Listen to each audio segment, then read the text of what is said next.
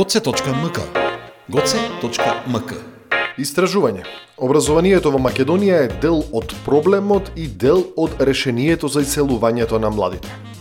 Гоцемак, заедно со Угада FM, спроведува онлайн анкета за иселувањето на младите и колку образованието е причина за некој млад човек да се одлучи да ја напушти државата. Резултатите од анкетата ги споредивме и со резултати од слични академски лонгитудинални истражувања. Двете истражувања покажуваат дека огромен дел од младите или веќе се иселиле или сакаат да се иселат. Со цел да дојдеме до одговори за причините за иселувањето, анкетата на ГОЦМК и Угада FM таргетираше и веќе иселени млади луѓе.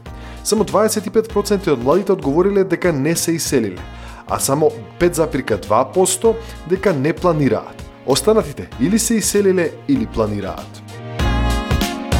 46% планираат да се иселат, а 23% од анкетираните се веќе иселени. Близу 24% се иселиле или ќе се иселат поради образованието. И во анкетата на ГОЦМК и во академските истражувања се посочува дека нефункционалниот систем и економијата се најголемите причини за иселувањето.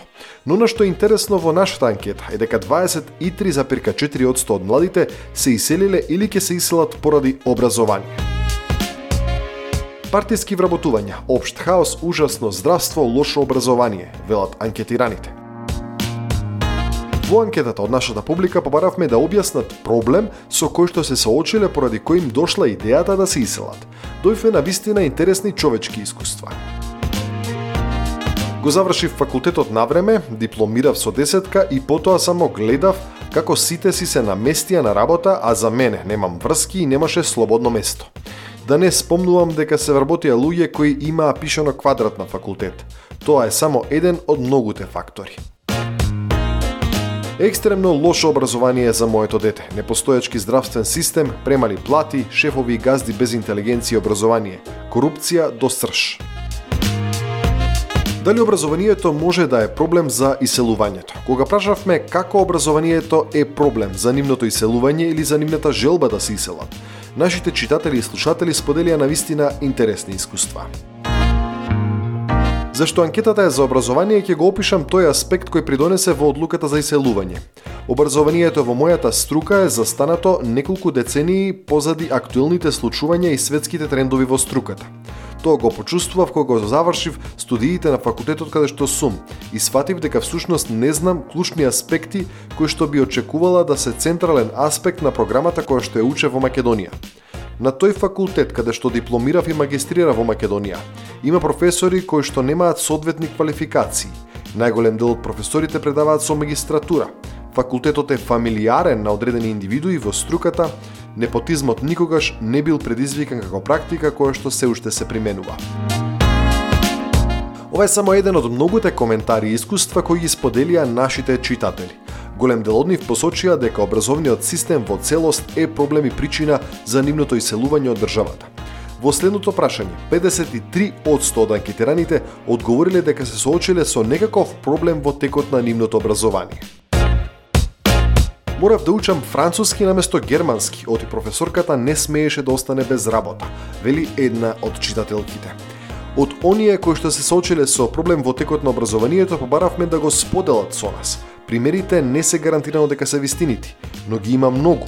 Дел од нив ќе споделиме овде. Проблематична наставничка по математика на која генерации ништо не им можат и некој одгоре ја чува под своја закрила.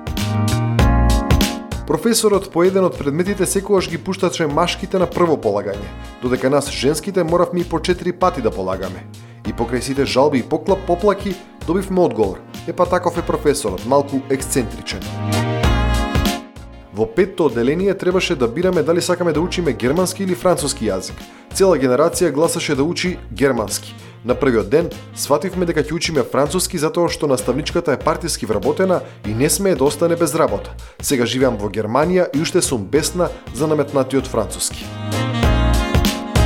и живување со учениците, меѓу кои спаѓам и јас, во средно училиште од страна на искомплексирана професорка, која преку вербални навреди, омаловажување, земање на точни одговори за грешни на тест, имаше огромно влијание врз психата на учениците и нивната желба за учење и воопшто одење на училиште.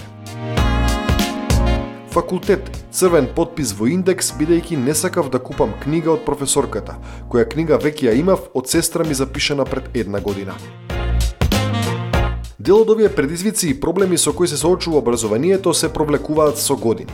Професор доктор Кирил Барбареев од Универзитетот Гоце Делчев во Штип вели дека овие проблеми кои младите луѓе ги споделија со нас се само показател за тоа каков однос има самата држава спрема младите луѓе.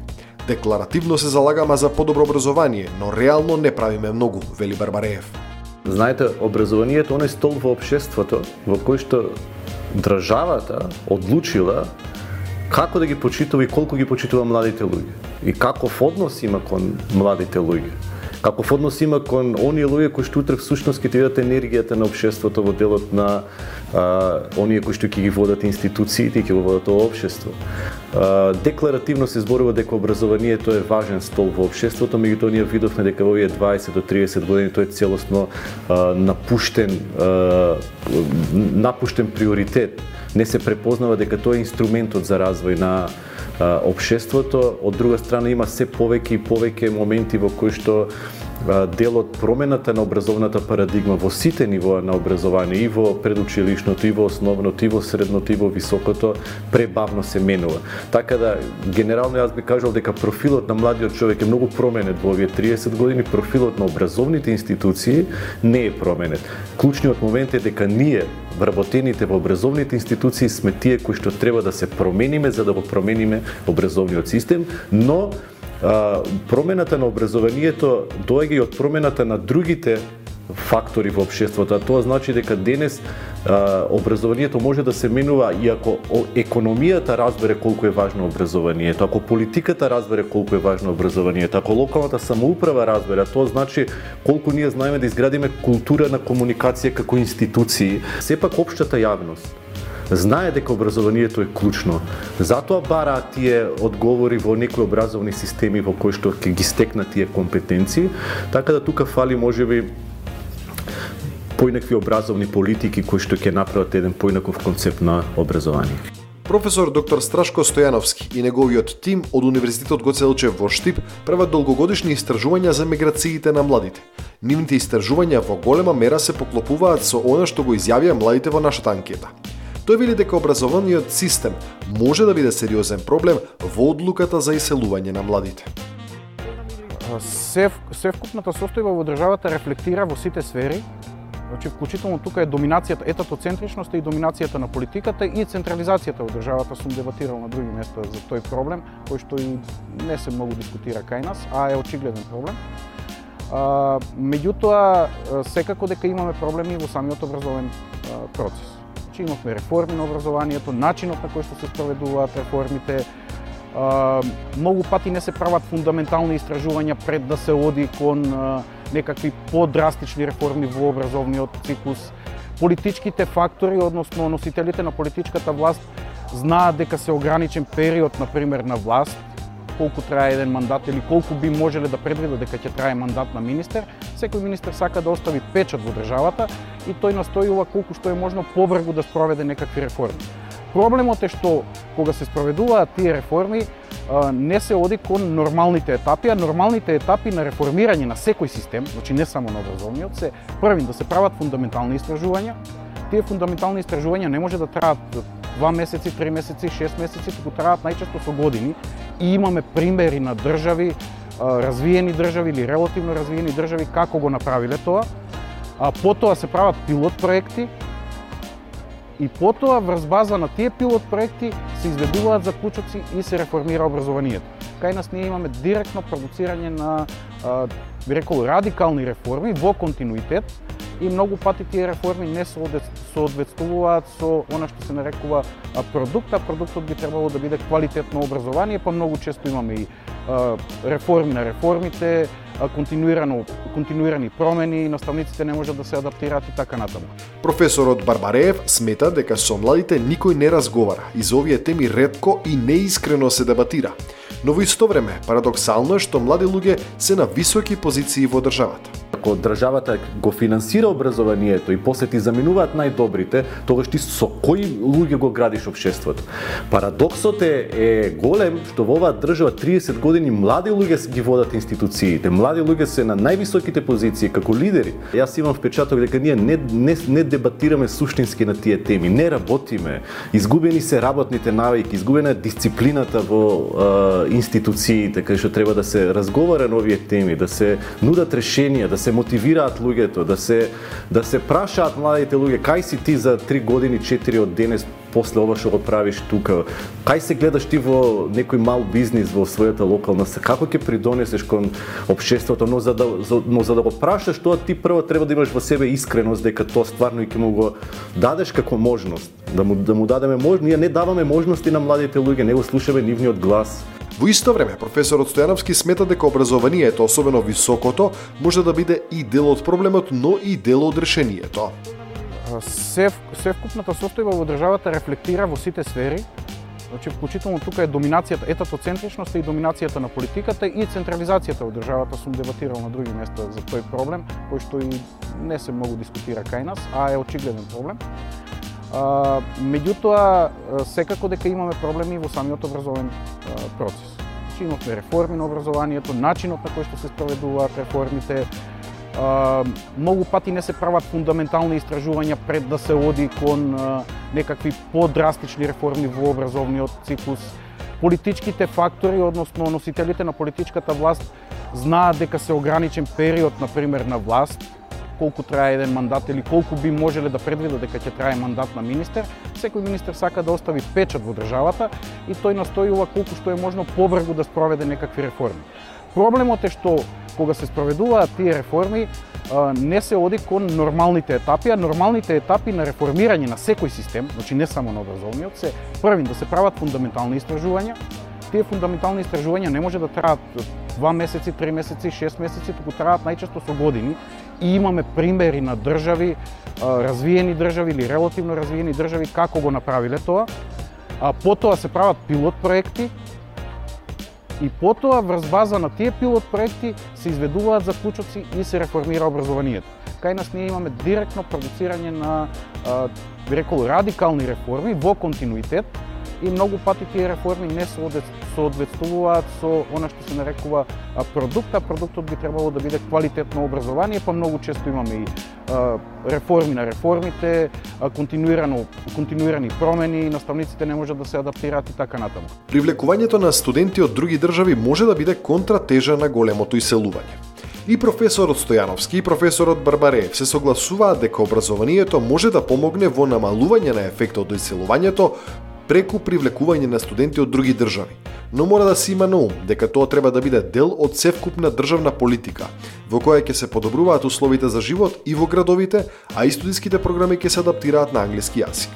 Привлекувањето на, на студенти во Македонија мислам дека може да биде една сериозна тема која што е, институциите треба да да ја отворат во себе, но таа интернационализација треба да, да постои некој прашање. Прво, кои млади луѓе ќе дојдат да студираат во Македонија, од кои земји? Што значи студирање во еден град како Штип? Што му нуди таа средина на еден млад човек? Штип кој што може би цената на студирање е иста како цената на студирање во Лјубљана каде што имаш сосема други околности на квалитет на комуникација, на а, а, социјален контекст, на друга физичка средина, на друга интернационализација. Тие прашања ние треба да ги отвориме бидејќи самото по себе студирање не е тема која што го постуваат луѓето кои што доаѓаат во, во, во, во таа средина. Значи тоа бара многу прашања, каков е културниот контекст, каков е спортскиот живот на тој млад човек, какво е сместувањето на тој човек, како институцијата му дава можности за патување, за за а, можности за, за спојување со други млади луѓе од светот. Така да, веројатно, тоа прашање е многу сложено прашање. Каква, какво е знаењето на јазици на вработените на универзитетот и, и колку сме ние подготвени за, за, за тие предизвици? И тоа тука треба да се да се разговара апсолутно да една од стратегиите треба да биде интернационализација. Зошто Словенија бара толку млади луѓе од Балканот? Затоа што нивните млади луѓе заминуваат во некои под, подобри земји по квалитет на живот од Словенија. За крај ќе споделиме уште едно од многуте мислења и коментари кои пристигнаа од нашите читатели. Минималниот буџет за развој на образованието. Владата на Македонија одделува екстремно мали суми за развој на образованието. И од тој мал буџет наменет за образование, голем дел се користи за инфраструктура, односно изградба на спортски сали, реновација на објекти и така натаму. Ниски примања на наставниците кои не се израмнети и не отсликуваат работата која што наставниците ја имаат околу административните задолженија за часовите и наставната програма која не ја прават наставата ниту поорганизирана, ниту подобра или поиновативна проблем со непотизам, корупција, партиски вработување на кадар кој што не е соодветно подготвен за извршување на наставно-педагошката работа со ученици и студенти. Темата е преширока и од неја излегува уште многу прашања и предизвици. Затоа Угада ФМ и МК во следниот период темата ќе обработуваат на поединечни науки – Следно ќе се прават истражувања со студентите на медицинските науки, па со оние на природните науки, по оние на обштествените и на крај со студентите на уметничките факултети. Сите наши читатели и слушатели кои оставија своји контакти во анкетата ќе бидат контактирани и ќе им бидат испратени резултатите од овие истражувања.